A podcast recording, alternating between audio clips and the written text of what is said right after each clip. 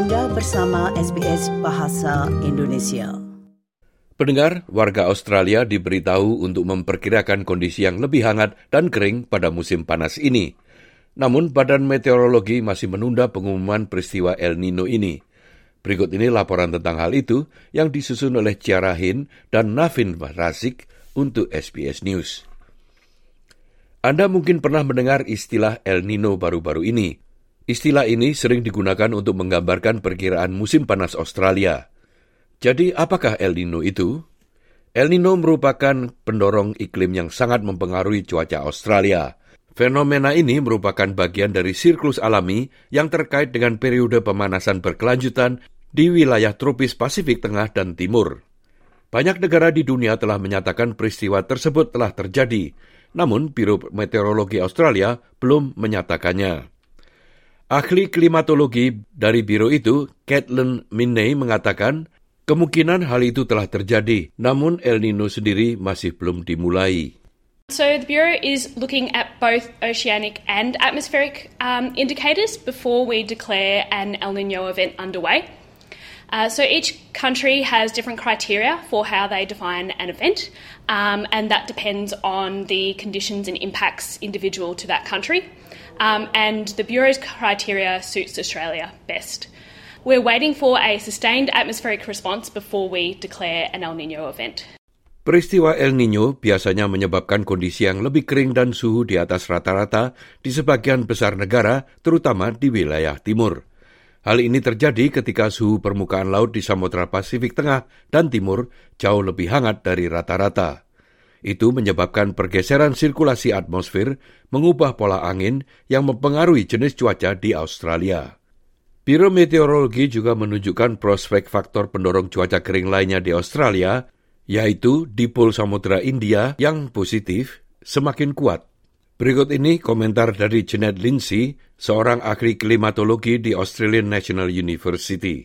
although the sea surface temperature pattern that we associate with El Nino has developed very well in the eastern Pacific, so we have a big warm pool of water extending from the South American, Central American coast towards Australia, the sea surface temperatures off the Australian northeast coast have not yet fully developed into an El Nino pattern. We expect those temperatures to get cooler than average, and that hasn't really happened yet, although there are some early signs that it might be starting.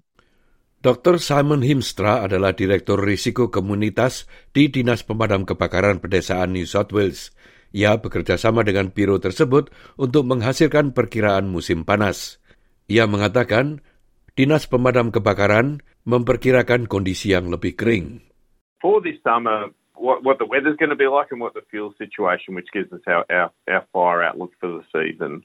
Uh, the, the weather forecast for New South Wales Uh, the climate outlook is showing us that there's a, a, a, much higher than average potential of having below average rainfall, so dry a dry summer, and and a very strong signal for being much warmer than average both days and nights. So looking at a Prospek cuaca yang lebih panas dan kering telah mengkhawatirkan pihak berwenang. Australia saat ini mengalami kondisi basah dari banjir selama tiga tahun terakhir yang memicu pertumbuhan vegetasi yang pesat. Ketika semua pertumbuhan itu terhenti, Australia akan mempunyai banyak bahan bakar untuk kebakaran hutan. Telah terjadi kebakaran hutan besar di Northern Territory dan aktivitas kebakaran awal musim yang disignifikan di Queensland dan Victoria.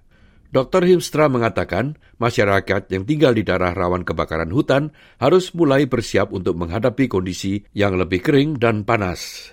We've had a series of quite wet years and it's important for people to realise that we're, we're now going into a summer where we could be experiencing um, significant fire behaviour.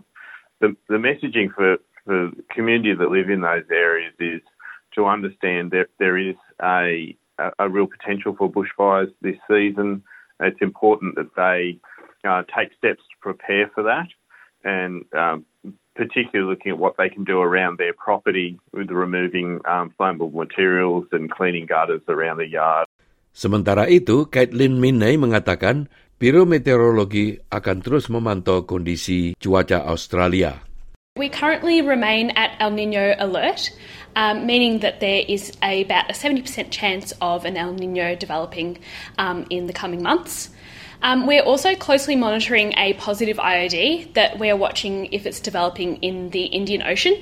Um, and a positive IOD generally means um, warmer conditions and also drier conditions um, around southern and eastern Australia.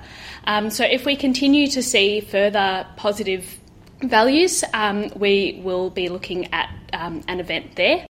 Nah pendengar laporan tadi disusun oleh Ciara Hin dan Navin Razik untuk SBS News dan disampaikan oleh Ricky Kusumo. Jika Anda ingin mendengarkan lebih lanjut mengenai krisis iklim, Anda dapat mengikuti SBS Climate Calling di aplikasi podcast Anda. Sukai, berbagi, komentar. Ikuti SBS program Bahasa Indonesia di Facebook.